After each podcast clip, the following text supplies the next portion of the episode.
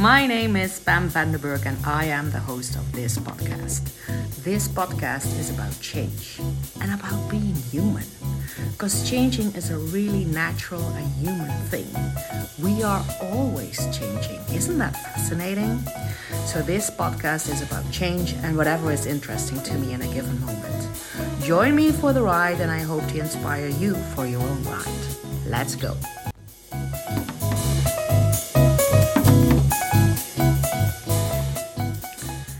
Just a quick podcast before I have to get into my car.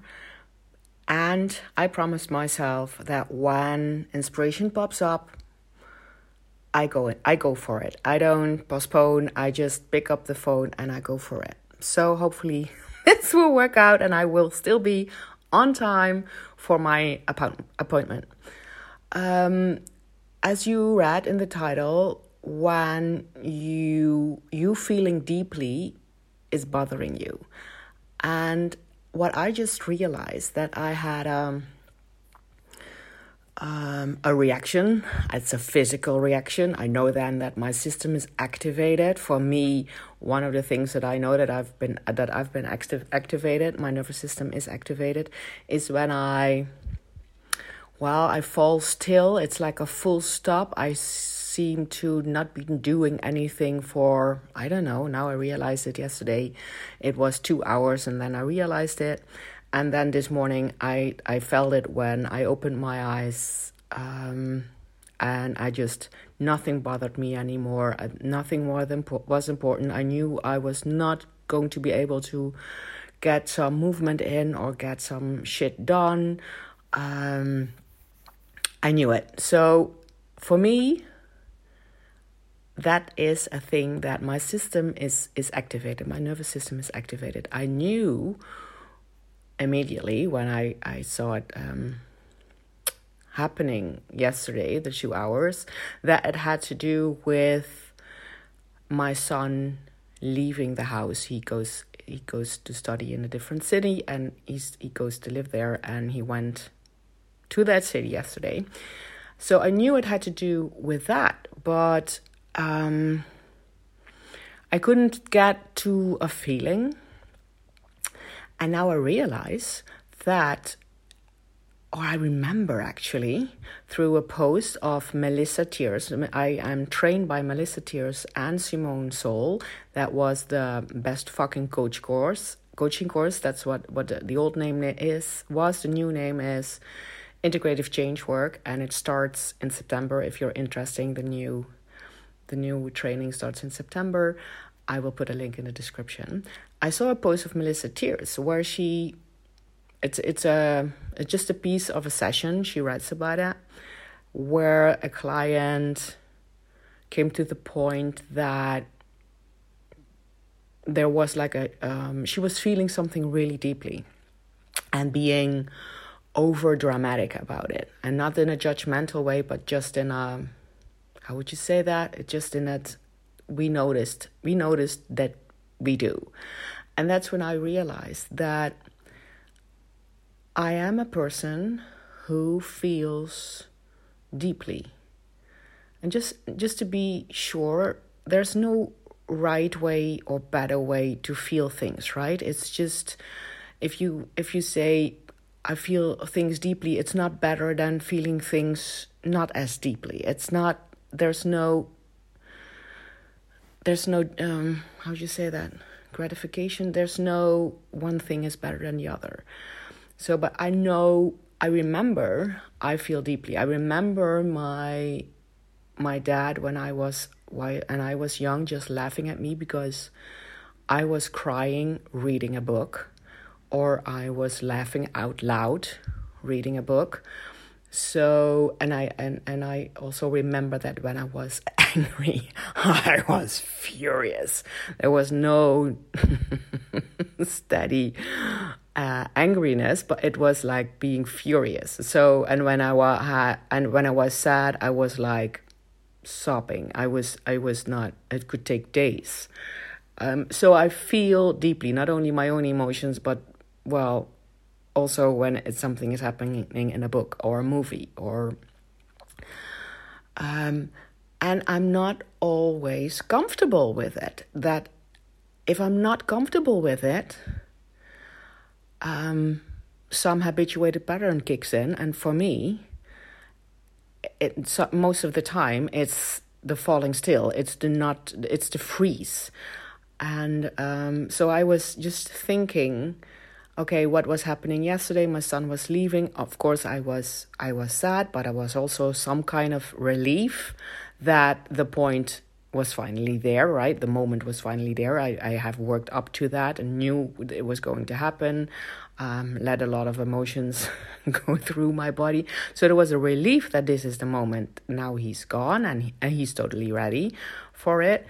And what i was also feeling and i didn't want to feel is the what's next energy in my body.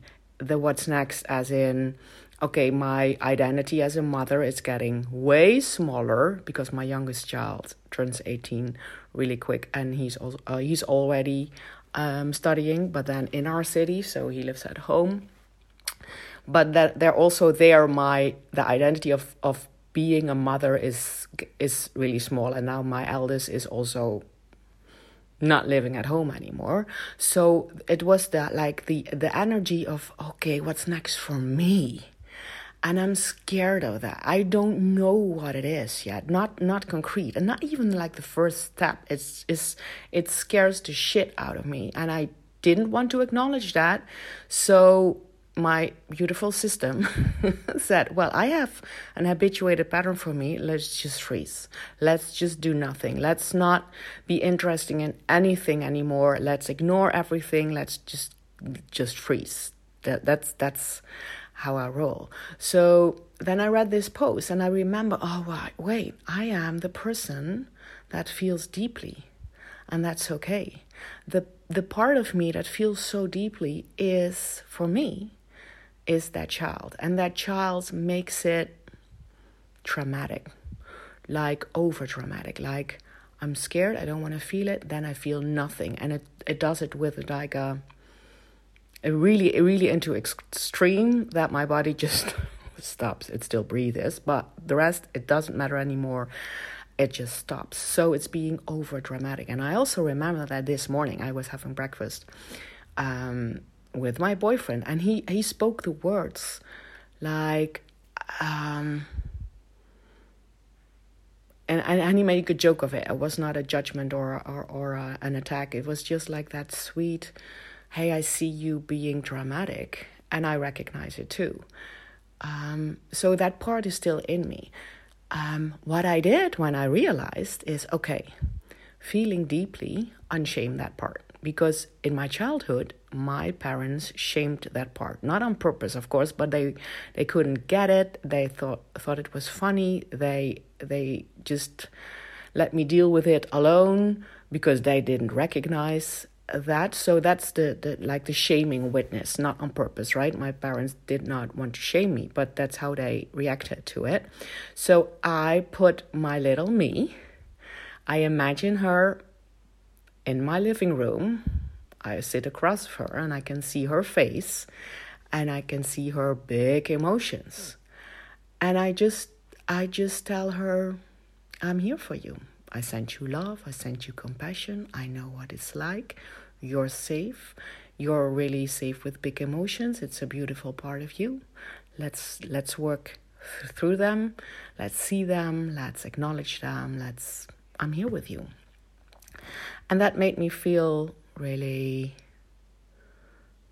relaxed and connected and safe enough to recognize that I'm I'm just really really scary of what's next for my life. Not what's next for my son's life. He'll he'll be good. He will be okay. Um or not, but then he will rebound. But it's it's it's more this it scares the shit out of me if I look into the future because I don't know where to go. Um, and that's okay. Because now I have, because that's a child part, it feels like a child part of me that's making that over dramatic, not in a judgy way. I put a loving witness on that part of me by seeing it, by acknowledging it, by hearing it, by feeling it, and believing the experience of the child in me. And also acknowledging that I'm just a person who feels deeply. And that's okay. It's no better way than not feeling deeply, but that it, it, is who I am, and that's okay. And acknowledging it, putting that unshaming witness to that part of me feels now that I can get in a movement again. I can I want to do things again. I want to be curious again. I want to explore again. I want to talk again. Um, and that makes all the difference. So that's what I want to share with you. Not if you, again, feeling deeply is not better than not feeling deeply, or the other way around. And if you just like me recognize that some child part of you can be over dramatic, not in a judgy way, but just extremer emotions, deeper emotions, be with it. Just imagine that part of you sitting next to you and just sending it love and compassion and hear it. Maybe give it a hug.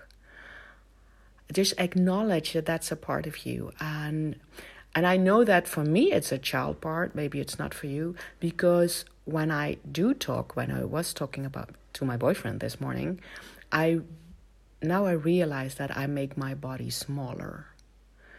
Um, my voice gets more childlike. It's like a higher pitch. It's like um, I make a lot of sighs in between, like it's dramatic. That's why I know I'm in the child part of me. Um, it's the voice, and I'm making my body smaller. And now I can see that part of me next to me on the couch and be a loving witness. And that's it and now I can breathe again, and now I can see future again, and now I want, I feel the spirit again to experiment, and now I'm curious again, and now I, I'm, I feel up to it, because I don't have to do it alone. That child part of me is seen, loved, cared for, encouraged. So I want to bring that gift to you. If you recognize that you feeling deeply can sometimes bother you make it a beautiful thing because it is.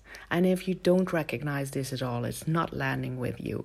That's totally fine. There's nothing, there's no normal. There's no one thing is better than the other. It just maybe it inspires you to just even know that there are people who just feels deeper and who want to be seen for those deep feelings.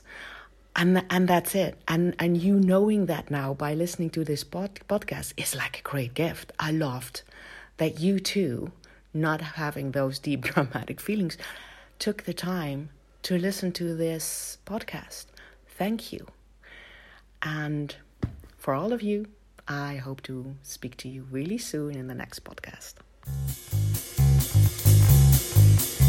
Beside this personal creative outlet, I do one on one coaching. Is that something you get wildly attracted to, wildly excited about? Send me an email contact at pamvandenberg.nl.